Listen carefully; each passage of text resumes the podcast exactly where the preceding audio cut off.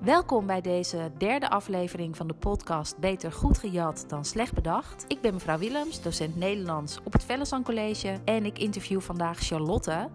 Charlotte heeft uh, vorig jaar een schoolexamen gedaan uh, voor Nederlands waarbij ze een betoog moet schrijven, moest schrijven. Daar had ze een 8,3 voor. Heel goed, Charlotte. Dankjewel. Ik ben benieuwd, voordat je dat betoog moest schrijven, hoe heb je je voorbereid?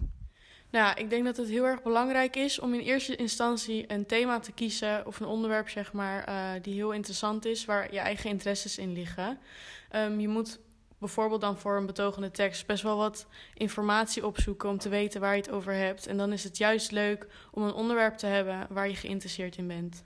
En welk onderwerp had je gekozen? Ik had zelf dat vaccineren niet verplicht moet worden.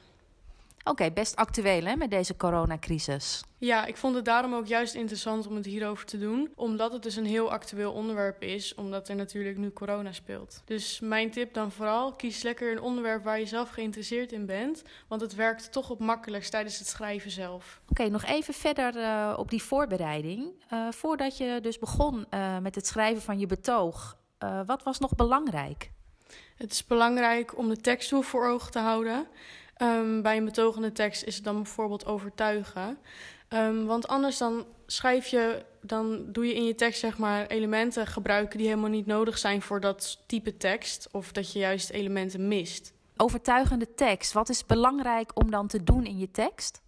Het is belangrijk om goed je eigen mening te geven. Dat duidelijk is wat jij er zelf van vindt en sterke argumenten geven en bijvoorbeeld weerleggingen. Dus je geeft argumenten en tegenargumenten en weerleggingen, want eigenlijk is uh, zonder die elementen in een betogende tekst, ja, is de tekst geen betoog, denk ik. Nee, dat klopt. Ja, wat veel leerlingen moeilijk vinden, Charlotte, is het aanbrengen van samenhang in je tekst. Dus dat het eigenlijk een logische volgorde heeft. Hoe heb jij dat gedaan? Ik heb zelf um, de alinea's opgebouwd. Dat de alinea zelf, zeg maar, uh, in het begin dat je het belangrijkste vertelt. Om alvast de aandacht van de lezer aan te trekken. En dan vervolgens alinea's met elkaar te verbinden door middel van signaalwoorden of verwijzingen van de andere alinea's, zeg maar, naar elkaar terugverwijzen. Slim. Als ik zo naar je luister, dan klinkt het alsof jij ook wel van schrijven houdt. Um, ik hoor dat je over je tekst hebt nagedacht en dat je ook wel serieus onderzoek hebt gedaan. Dat je weet hoe je alinea's moet opbouwen. Klopt dat? Houd je van schrijven? Ja, ik hou heel erg van schrijven zelfs. Ik heb ook uh, dagboekjes bijgehouden vroeger. Ik heb ook veel gelezen, waardoor het schrijven ook makkelijker is geworden. En ik denk dat ik het daarom ook echt zo leuk vind, omdat ik het vanaf jongs af aan eigenlijk al heb gedaan.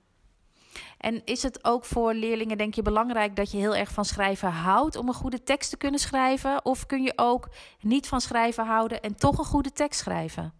Ja, ik denk dat je wel een goede tekst kan schrijven als je, er, uh, als je het minder leuk vindt. Maar het maakt het wel makkelijker als je het ook echt leuk vindt en er zin in hebt. En een tip voor leerlingen die het niet zo leuk vinden om te schrijven, maar toch een goede tekst willen schrijven. Wat is jouw gouden tip?